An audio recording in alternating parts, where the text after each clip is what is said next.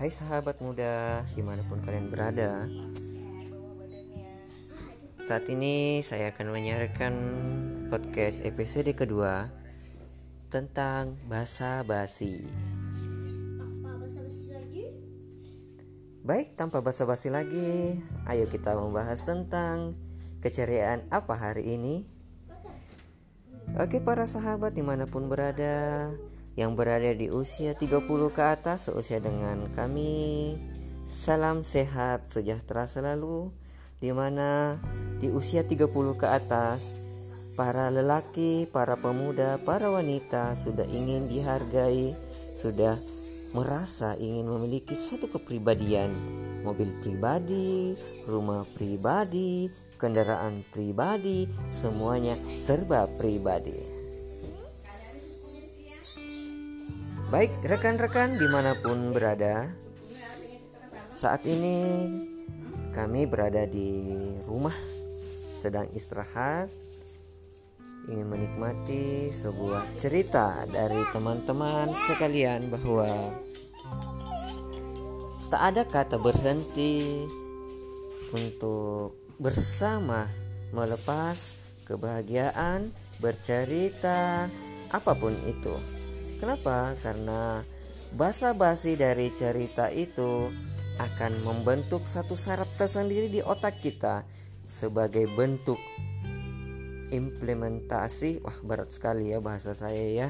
Intinya ada impuls-impuls yang terbentuk di dalam otak dari basa-basi percakapan kita ini dan menjadi satu tempat penyimpanan baru di suatu hari nanti di saat kita membutuhkan penyimpanan memori. Iyakah? Iya. Penyimpanan memori kita tidak terbatas selama kita memberikan rangsangan. Berupa apa? Berupa basa-basi. Apakah itu kita baru pulang dari kantor, ketemu dengan anak kecil, ketemu dengan istri, ketemu dengan kakak, adik, ketemu dengan tetangga, basa-basi saja. Kelak itu akan berguna di saat rambut telah memutih, kita ingin berusaha mengingat sesuatu tapi namun otak sudah tidak mampu menyimpan lagi listrik yang banyak karena kurangnya impuls-impuls yang masuk maka sangat dibutuhkan rangsangan-rangsangan. Bukan rangsangan negatif loh.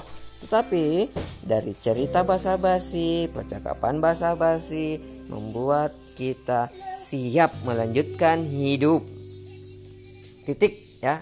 Melanjutkan hidup ya.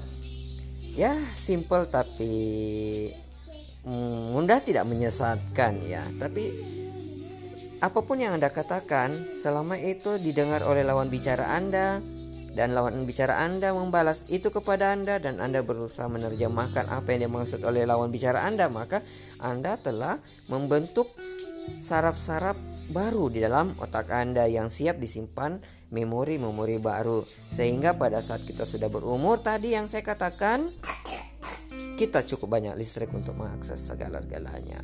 Ya tidak heran lah ada yang berumur 100 tahun. Tapi saya tidak berbicara tentang ajal ya karena kalau ajal datang ya biar mudah ini. Tapi kan alangkah enaknya kalau umur kita masih panjang namun kita tetap sehat bisa mengingat masa lalu, bisa mengingat momen. Tapi intinya adalah salam basa-basi. Oke. Okay.